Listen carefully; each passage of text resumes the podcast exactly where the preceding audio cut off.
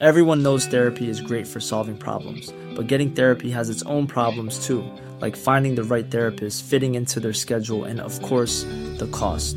Well, BetterHelp can solve those problems. It's totally online and built around your schedule. It's surprisingly affordable too. Connect with a credentialed therapist by phone, video, or online chat, all from the comfort of your home. Visit betterhelp.com to learn more and save 10% on your first month. That's BetterHelp, H E L P. Hey, it's Ryan Reynolds, and I'm here with Keith, co star of my upcoming film, If, only in theaters, May 17th. Do you want to tell people the big news?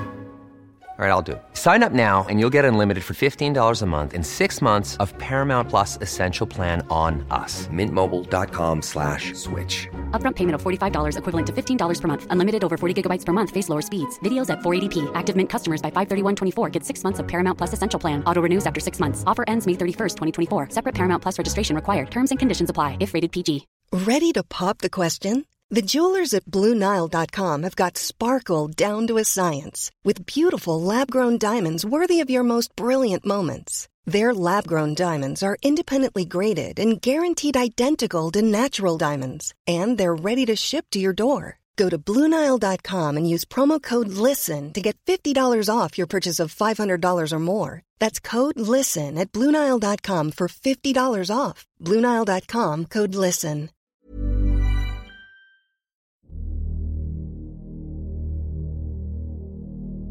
For snart 50 år siden, i 1973, var to familier på en rugbykamp i Adelaide i Australia. Familiene møttes først denne dagen etter å ha fått sesongkort ved siden av hverandre på tribunen, men lite visste de at de denne augustdagen skulle bli knyttet sammen på en måte ingen foreldre burde oppleve, da de to unge døtrene i familien, Joanne Ratcliffe og Kirsty Gordon, forsvant sporløst. Syv år tidligere forsvant Jane, Arna og Grant Beaumont sporløst fra Glenelg Beach, også i Adelaide. Forsvinningen av Beaumont-barna ble raskt knyttet til det som etter hvert ble kjent som bortføringen fra Adelaide Oval, og sammen er de to av Australias største uløste mysterier.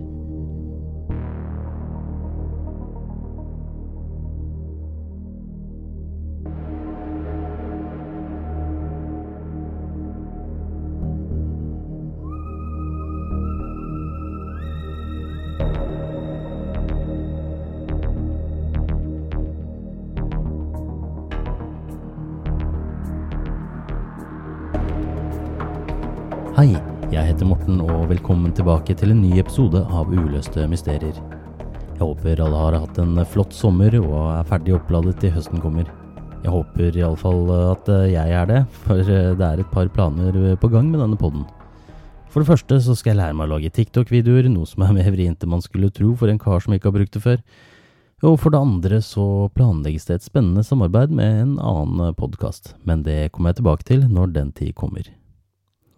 Jeg setter også stor pris på hvis dere vil følge meg i sosiale medier som Facebook og Instagram, og følg gjerne også podkasten der hvor du lytter til denne episoden.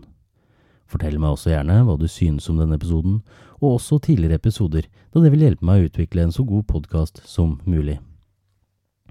Hvis dere har en sak, eller kanskje ti, som dere ønsker å høre om, så kan dere sende den på en e-post til ulostemysterier at gmail.com, eller sende meg en direktemelding i sosiale medier.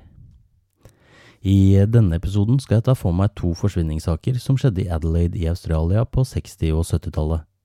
Dette er kanskje forholdsvis ukjente saker her i Norge, men de er nokså interessante.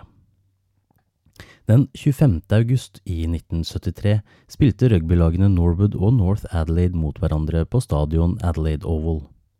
Les og Kathleen Ratcliffe hadde sesongkort til seg selv og sine to barn, David på 13 og Joanne på 11. Sammen med en venn av familien, bare kjent som Frank, dro de på denne kampen.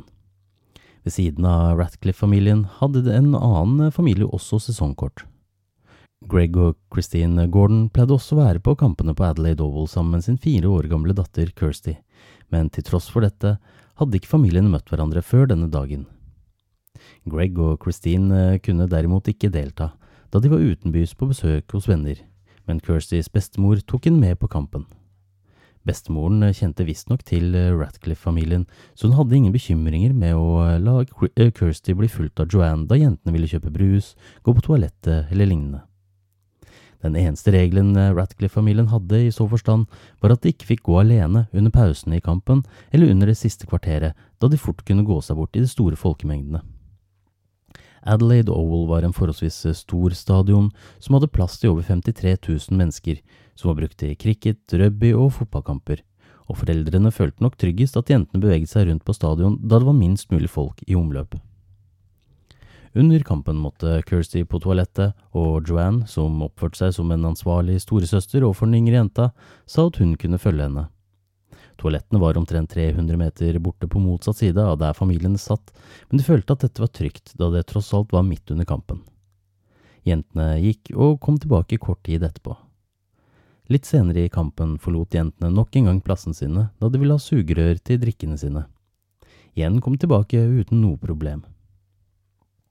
Senere under kampen i tredje omgang, ca. klokken 15.45, fulgte Joanne Kirstin nok en gang eh, på toalettet, men denne gangen tok det unormalt lang tid.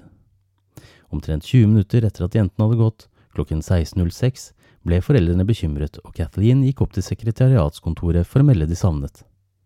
Hun ba om at de skulle bli ropt opp via høyttalersystemet på stadion, men de ansatte på kontoret avviste forespørselen. De mente at eh, ingen uansett ville høre dette, da publikum var for høylytte, noe som kanskje kunne stemme, men Kathleen følte at det heller dreide seg om at de ikke ønsket å bryte inn i kampen og forstyrre den med en slik melding. Hun ble henvist tilbake til plassen sin og heller melde fra til politiet dersom jentene ikke dukket opp. Foreldrene klarte ikke å bare sitte i ro, og begynte å lete. David, broren til Joanne, ble igjen på plassene tilfelle jentene skulle dukke opp, mens Les søkte på baksiden av tribunene, parkeringsplassen, bowlinghallen og tennisbanene som lå i nærheten. Christine lette på toalettene, og bestemoren til Kirsty vandret rundt på tribunene, men til tross for innstendig søk fant de ingen spor etter jentene. Da kampen var ferdig, gikk Lest til en eh, mann ved navn Blundell, som var sekretær for South Australia Cricket Association, og fortalte han at to barn var forsvunnet. Blundell nørte ikke og fikk ut en annonsering via høyttaleranlegget med en gang. Da var klokken rundt 17, og bare tolv minutter senere ble jentene offisielt meldt savnet til politiet. Jentene hadde nå vært borte i 90 minutter, og politiet startet søket etter dem med en eneste gang.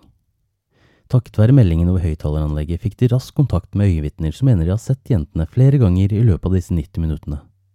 Et vitne, 13 år gamle Anthony Kilmartin, som solgte snacks på den ene tribunen, fortalte han at han måtte flytte seg for to jenter som gikk nedover trappen. Han hadde også lagt merke til en mann som hadde stirret veldig på dem og skyndte seg etter dem. Han fortalte videre at mannen hadde tatt inn jentene og på et tidspunkt løftet eh, opp den minste av dem og båret henne mot utgangen. Den eldre jenta hadde sett skrekkslagen ut og forsøkte å ta tak i mannen. Han hadde da svart med å be henne om å gå vekk eller noe i den duren, før han tok tak i henne og dro henne med seg mot tennisbanen som lå i nærheten. Det var det siste Kilmartin så av jentene, og påpekte at det virket som om mannen var noen jentene kjente til, eller til og med kunne være faren deres. Derfor hadde han ikke tenkt noe mer over det før politiet etterlyste øyevitner. Et annet vitne, Ken Walling, som var kuratoren for The Oval, fortalte til politiet at han hadde sett to jenter forsøke å lokke noen kattunger fra under en bil.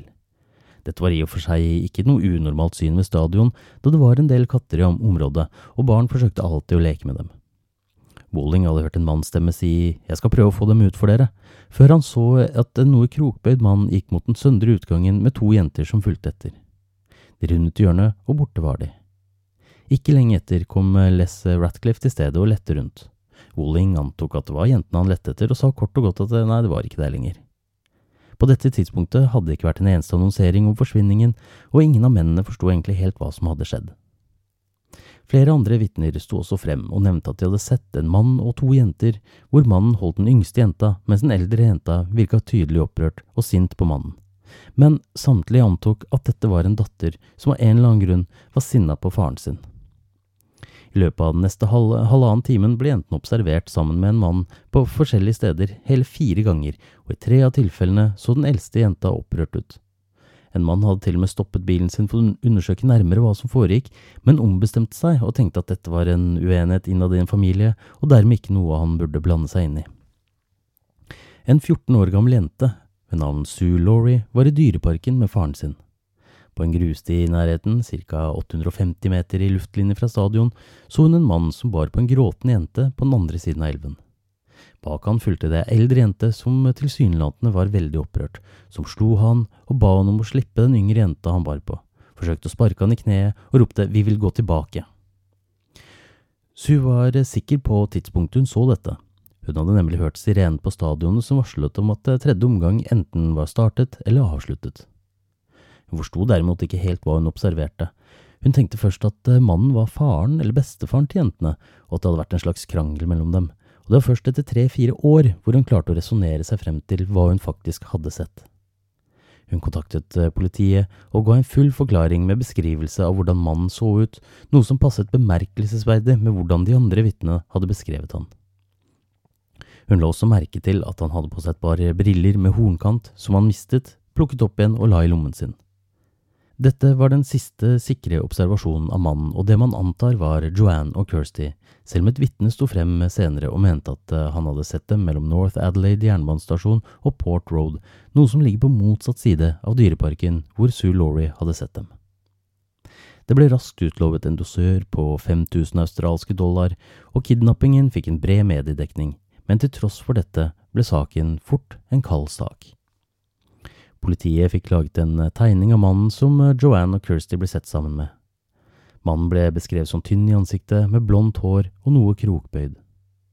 Mange dro sammenligninger mellom kidnappingen av Joanne og Kirsty og en annen sak som hadde rammet Australia noen år tidligere. Den 26. Eh, januar 1966 var ni år gamle Jane Nartar, Arna Caltheen på sju og fire år gamle Grant Ellis på Glenelg Beach i nærheten av Adelaide. Beaumont-søsknene bodde i bydelen Sommerton, som ligger rett ved, en bydel som kanskje er mest kjent for eh, det som nå er det oppklarte mysteriet om Sommerton-mannen, en mann uten identifikasjonspapirer, som ble funnet på stranden rett ved Sommerton Park, rett sør for Glenelg Beach.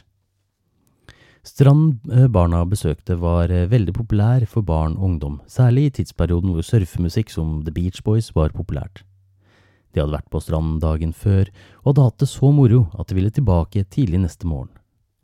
De ba moren sin pent om å få lov før de tok bussen de eh, tre kilometerne stranden lå fra hjemmet deres. De avtalte at de skulle være hjemme igjen til klokken tolv på ettermiddagen, men da de ikke dukket opp med bussen verken klokken tolv eller klokken 14, ble moren deres Nancy bekymret. Faren Jim hadde vært på jobb og kom hjem klokken 15, og da han fikk vite at de ikke hadde kommet eh, hjem tilbake til avtalt tid, satte han seg i bilen og kjørte rett til den nå folksomme stranden. Han klarte ikke å finne dem, og sammen med Nancy begynte de nå å lete i gater og hos venner av barna uten å finne dem. Klokken 17.30 ble de meldt savnet til politiet. Politiet tok dem på alvor med en gang og begynte å lete etter dem på stranden og i området rundt. De antok riktignok at barna sikkert bare hadde gått seg vekk eller glemt tiden, men da de ikke fant dem noe sted, utvidet de søket til å gjelde sjøen, sanddynene i nærheten, bygninger i området, samt overvåke flyplassen, jernbanen og motorveiene. Bekymringen var at de enten hadde blitt utsatt for et uhell eller blitt kidnappet. Innen 24 timer etter forsvinningen var nyheten om de forsvunne barna gått rundt hele Australia, og en dusør på bare 250 australske dollar ble utlovet. En kvinne sto raskt frem og fortalte at hun hadde pratet med tre barn som kunne passe beskrivelsen til Beaumont-barna ved en båthavn nærmere klokken 19 på ettermiddagen. Båthavnen ble undersøkt grundig, men ingen spor ble funnet. Politietterforskerne fant flere vitner som eh, hadde sett barna på en lekeplass kalt Collie Reserve i følge med en høy mann. Mannen hadde lyst hår og et tynt ansikt, og virket å være i midten av 30-årene.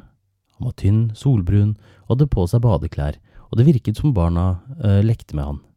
Barna virket avslappet i selskap med mannen, og før de forlot stedet sammen rundt klokken 12.15. Omtrent to og en halv time senere observerte et annet vitne mannen og barna, hvor mannen visstnok bar en bag som var veldig lik den Jane hadde hatt med seg. Da foreldrene ble informert om vitneobservasjonene, syntes de dette virket rart. Jane var nemlig veldig sjenert, og det virket derfor noe ute av karakter for barna å leke så avslappet med en voksen mann. Nancy kom til å tenke på noe Arne hadde fortalt henne. Hun hadde fortalt at Jane hadde fått seg en kjæreste på stranda. Moren trodde hun mente en lekekamerat, og la ikke noe mer spesielt i det. Men nå virket denne opplysningen mer alvorlig, og etterforskerne la sammen to og to og antok at mannen hadde tilbrakt tid med barna tidligere. Han hadde høyst sannsynligvis vunnet eh, tilliten til barna over tid og rett og slett groomet dem. Enda et vitne som jobbet på Wenzels Bakery i Mosley Street, fortalte at Jane hadde kommet innom og kjøpt bakverk og en kjøttpai som hun betalte med en ettpundseddel. Dette ble ansett som et bevis på at Beaumont-barna ikke var alene. For det første kjente den ansatte på bakeriet igjen barna og kunne fortelle at de aldri hadde kjøpt en kjøttpai før. For det andre så hadde barnas mor kun gitt dem seks shillings og seks pence, slik at de kun hadde hatt råd til bussen og lunsj. Politiet følte seg derfor skråsikre på at Jane hadde fått pengene av noen andre. Til tross for flere vitneobservasjoner de neste årene ble Beaumont-barna aldri funnet, og deres skjebne er ukjent til en dag i dag. Det har vært synske personer involvert som mente barna var skjult i et gammelt lagerbygg, men etter å ha mer eller mindre jevnet lageret til jorden i leting etter levninger, ble ingenting funnet. Det ble sendt falske brev hvor avsenderen påsto å ha hatt barna i sin varetekt, men i 1992 innrømte en da 41 år gammel mann at han hadde skrevet brevene som en dårlig spøk da han var tenåring. Da de fikk et eh, stort fokus i blant annet media, valgte han å tie om det han hadde gjort, helt til han noen tiår senere ble identifisert gjennom analyser av fingeravtrykkene på brevet.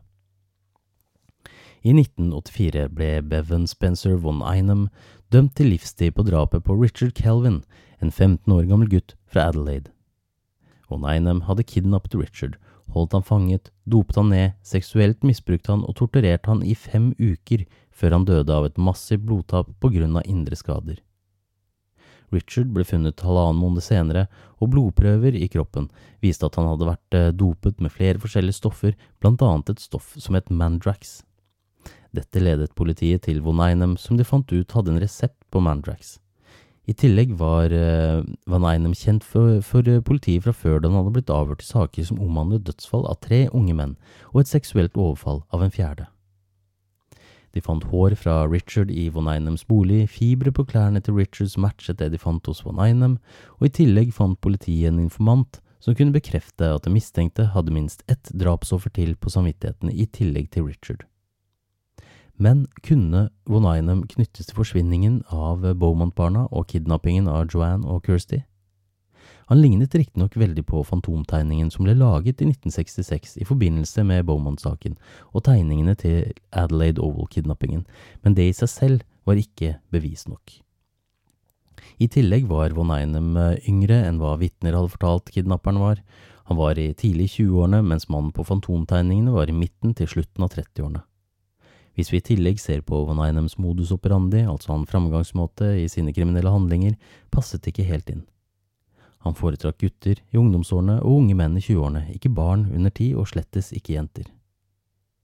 Von Einem er ikke utelukket som mistenkt i sakene basert på påstander eh, informanten kom med, men det virker eh, i grunn lite sannsynlig at det var han. Det er derimot andre mistenkte som eh, passer bedre til beskrivelsen, og jeg skal ta for meg én av dem nå.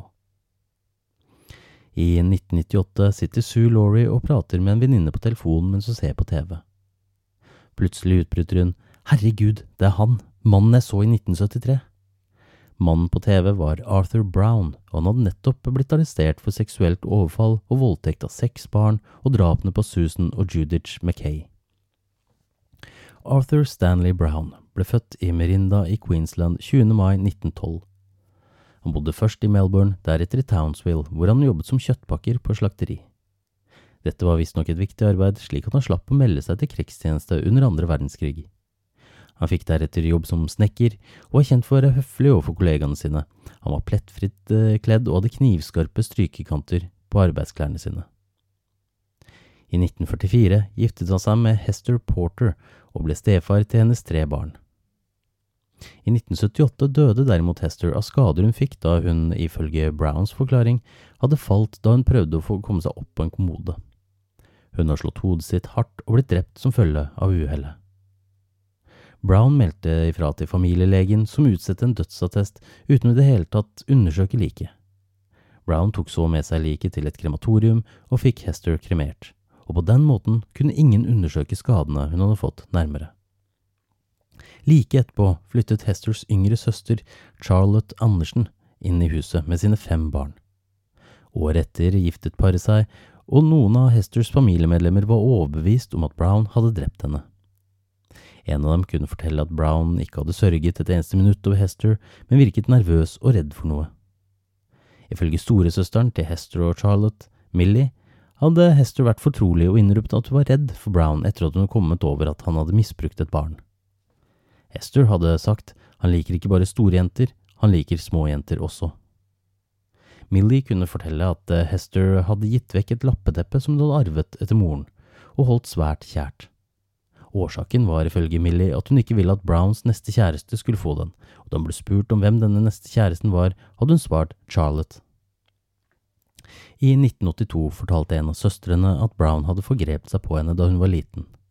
Etter dette sto flere av familiemedlemmene frem og fortalte det samme. I tillegg hadde, han, hadde det blitt vist et bilde av en død kvinne i et hemmelig rom i huset til Brown og ble truet med at det samme ville skje med dem dersom de sa noe. Dessverre fikk familien juridisk rådgivning som sa at dersom de tok eh, saken til retten, ville det bli traumatisk for ofrene, og hendelsene forble en familiehemmelighet. Under rettssaken ble det lest opp et innlegg fra Christine Milliers eh, dagbok, en slektning av eh, Anderson-familien, datert 23. januar 1991. Der sto det at hun hadde vært ute med barna på en gåtur, og Brown hadde kjørt forbi. Barna begynte med ett å rope Rock Spider etter han, noe som er et eh, fengselsslang for barnemishandler. Men det var drapene på fem år gamle Susan Deborah og sju år gamle Judith Elizabeth Mackay Brown skulle stå til rette for i rettssaken i 1998. De hadde forsvunnet fra en bussholdplass i nærheten av hjemmet deres i Townsville den 26. august 1970. Jentene hadde blitt funnet døde i et tørt elveleie to dager senere, hvor Susan ble funnet først. Etterforskerne kunne følge fotavtrykk omtrent 70 meter fra der de fant den første jenta, til hvor de fant Judith. De antok at idet Susan ble brutalt drept, hadde Judith forsøkt å rømme, men en sjuåring har liten sjanse til å flykte fra en voksen mann, og ble på nytt fanget og drept.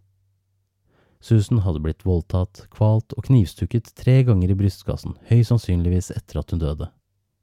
Judith hadde også blitt voldtatt og knivstukket tre ganger i brystkassen, men dødsårsaken var kvelning ved at hun hadde inhalert sand, og var derfor i live etter at hun hadde blitt knivstukket, men fått ansiktet sitt presset ned i sanden til hun sluttet å puste. Skoleuniformene deres var pent brettet sammen og lagt i skolevesken deres. I skoene deres lå sokkene også nøysommelig brettet sammen, som om gjerningsmannen var meget pertentlig. Vitner hadde sett eh, jentene prate med en mann i en bil, og flere vitner kunne fortelle at de hadde sett bilen med jentene, og en hadde til og med overhørt dem på en bensinstasjon si Er vi der snart? Når skal du kjøre oss hjem til mamma? Du lovte at du skulle ta oss med hjem til mamma. En soldat ved navn Neil Lunny hadde pratet til sjåføren av bilen da han hadde skåret han av i et veikryss. Han identifiserte senere Brown både fra bilder og i rettssaken, også på fantomtegningene fra Beaumont og Adelaide Oval-sakene. Men utrolig nok ble fokuset på etterforskningen på den tiden fokusert på bilen fremfor sjåføren, og vitnene, inkludert Lunny, kunne ikke fastslå med sikkerhet hvilket bilmerke de faktisk så. Siden de rotet litt med noen like bilmodeller, klarte ikke politiet å knytte verken den ene eller andre bilmodellen til Brown, og saken ble kald. Først i 1998 ringte kusinen til Browns kone inn til et TV-program som heter Crime Stoppers. De hadde nettopp vist en reportasje om Mackay-drapene, og hun klarte rett og slett ikke å sitte stille med informasjonen hun nå ga til politiet. Politiet etterforsket Brown i stillhet og fant vitner som kunne fortelle at Brown hadde gjort endringer på bilen sin rett etter at Mackay-jentene hadde blitt funnet. I tillegg fant de to vitner som kunne fortelle at Brown hadde innrømmet drapene til en av dem. Den ene var John White, som kunne fortelle at eh, Brown hadde innrømmet drapene under en fuktig kveld på puben. White fortalte dette videre til politiet, men de hadde avvist påstanden etter å ha pratet med Brown, som selvsagt benektet alt sammen. Den andre var snekkerlærlingen til Brown, en mann med navn John Hill. Han hadde ikke stått frem med dette tidligere fordi han hadde avfeid det hele som en dårlig sprøk, da det virket som voldtekt av drap og to små jenter var fullstendig motsatt av Browns karakter. De hadde kjørt forbi politistasjonen i Townsville, og Hill hadde stilt et spørsmål om hvorvidt de noensinne kom til å løse Mackay-drapene. Brown hadde da sagt at politiet lette etter feil type bil, og at det var han som hadde drept de to jentene.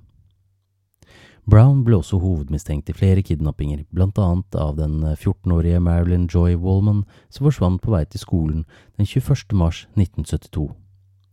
En bit av hodeskallen hennes ble funnet i 1974, men ble ikke identifisert før i 2015 ved hjelp av DNA-analyser. Politiet klarte ikke å knytte Brown til denne saken annet enn indisier som tilsa at han var i området alene da Marilyn forsvant. De fått ut at han hadde hentet bilen sin, som hadde brutt sammen noen dager tidligere, da han og Hester besøkte familie i området. Han ville i så fall ha passert stedet Marilyn forsvant på mer eller mindre samme tidspunkt som hun sist ble observert. 28. juli 1975 ble Catherine Pam eh, Pamela Graham funnet drept. Hun var dørselger og solgte bøker på døren, og ble sett bankende på dører i Browns nabolag. Senere på kvelden hadde hun ringt til moren sin og fortalt at det var en mann som fulgte etter henne og stirret på henne og at hun ikke likte hvordan han så på henne. Hun gjorde unna noen ærender i Townsville før hun ble funnet brutalt drept bare 500 meter fra der McKay-søstrene ble funnet. Politiet kunne fortelle at det var mange likheter mellom funnene, blant annet detaljer politiet ikke hadde fortalt til offentligheten. Brown ble også mistenkt for å stå bak Beaumont-forsvinningen, men her var det også kun indisier politiet hadde å komme med. De forsøkte å knytte han til Somerton og Glenelg Beach, men på grunn av at de ikke fant noe arbeidshistorie på Brown i denne perioden, ble det vanskelig å bevise at han ikke var hjemme i Townsville denne dagen. Det eneste de hadde å gå på, var fantomtegningene, og i likhet med bortføringene av Joanne Ratcliffe og Kirsty Gordon, var disse tegningene slående like Arthur Brown, samt Sue Laurie som kunne identifisere han. I tillegg anså politiet detaljene om brillene med hornkant som viktige, da Brown var kjent for å bruke slike briller. Dette var tross alt svake beviser og kun indisier, og ble dermed ikke tatt med i den påfølgende rettssaken.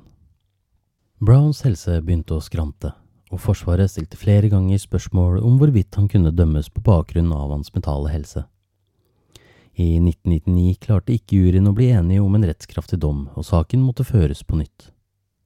Før han ble kalt inn på nytt, fant eh, først et eh, tribunal for mental helse ham uskikket til å stille i en rettssak. Dette ble anket av aktoratet, hvor de så vant anken, men i 2001 fastslo en psykiater at Brown hadde utviklet Alzheimer, var dement og var således uskikket for en eventuell rettssak. Arthur Brown ble derfor aldri dømt for ugjerningene han ble anklaget for, og han innrømmet aldri skyld for verken det han var tiltalt for, eller kidnappingene av Beaumont-barna, Joanne Ratcliffe og eh, Kirsty Gordon.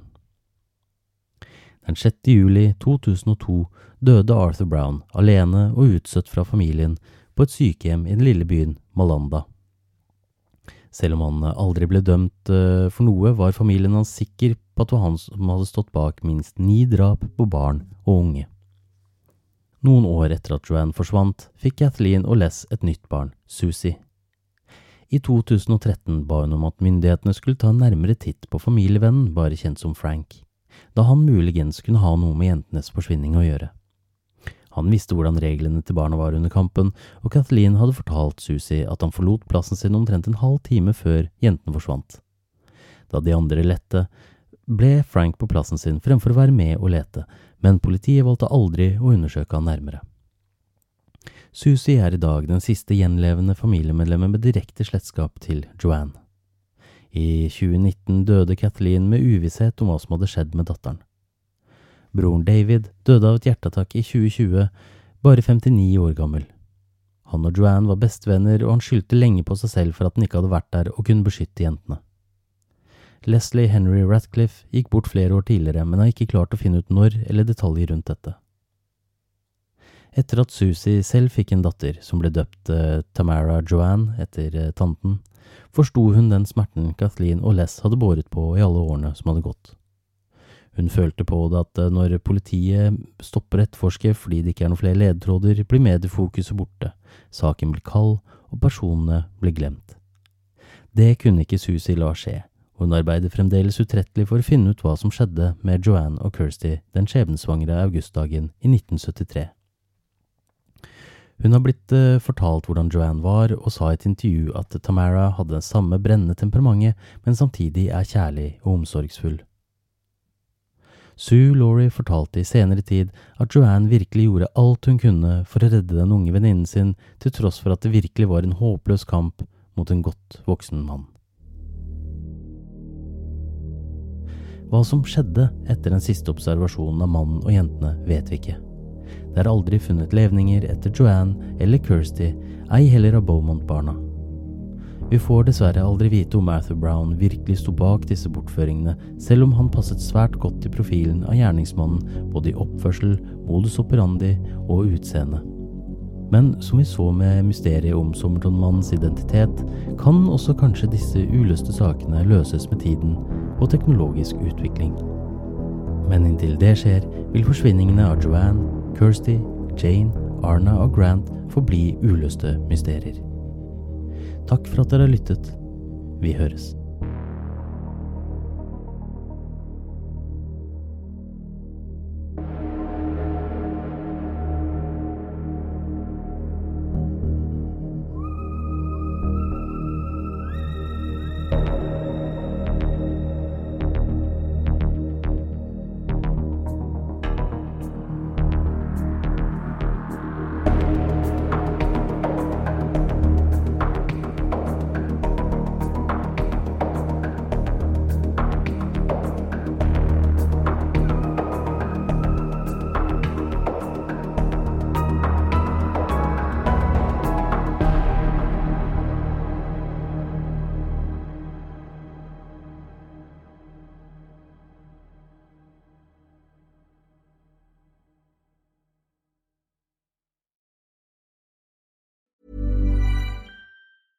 Hey, it's Paige DeSorbo from Giggly Squad. High quality fashion without the price tag. Say hello to Quince.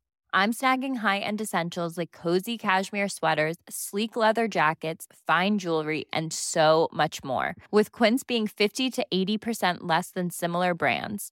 And they partner with factories that prioritize safe, ethical, and responsible manufacturing. I love that. Luxury quality within reach. Go to quince.com slash style to get free shipping and 365 day returns on your next order.